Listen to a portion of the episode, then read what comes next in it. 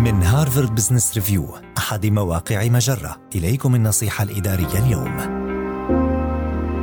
خطوات لتجاوز النقد بطريقة مهنية. في منتصف اجتماع معين أو في أثناء السير في الرواق أو خلال عملية مراجعة الأداء يقدم شخص ما صفعة كلامية تزلزل كياننا النفسي ما يؤثر علينا بشكل سلبي.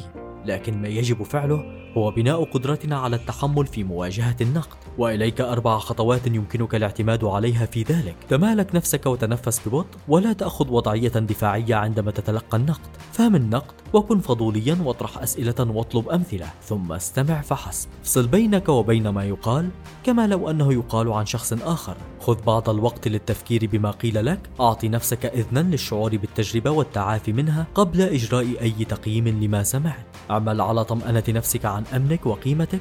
بدلا من إيجاد ثغرات في الآراء التقويمية عندها ستبحث عن الحقيقة وستجدها.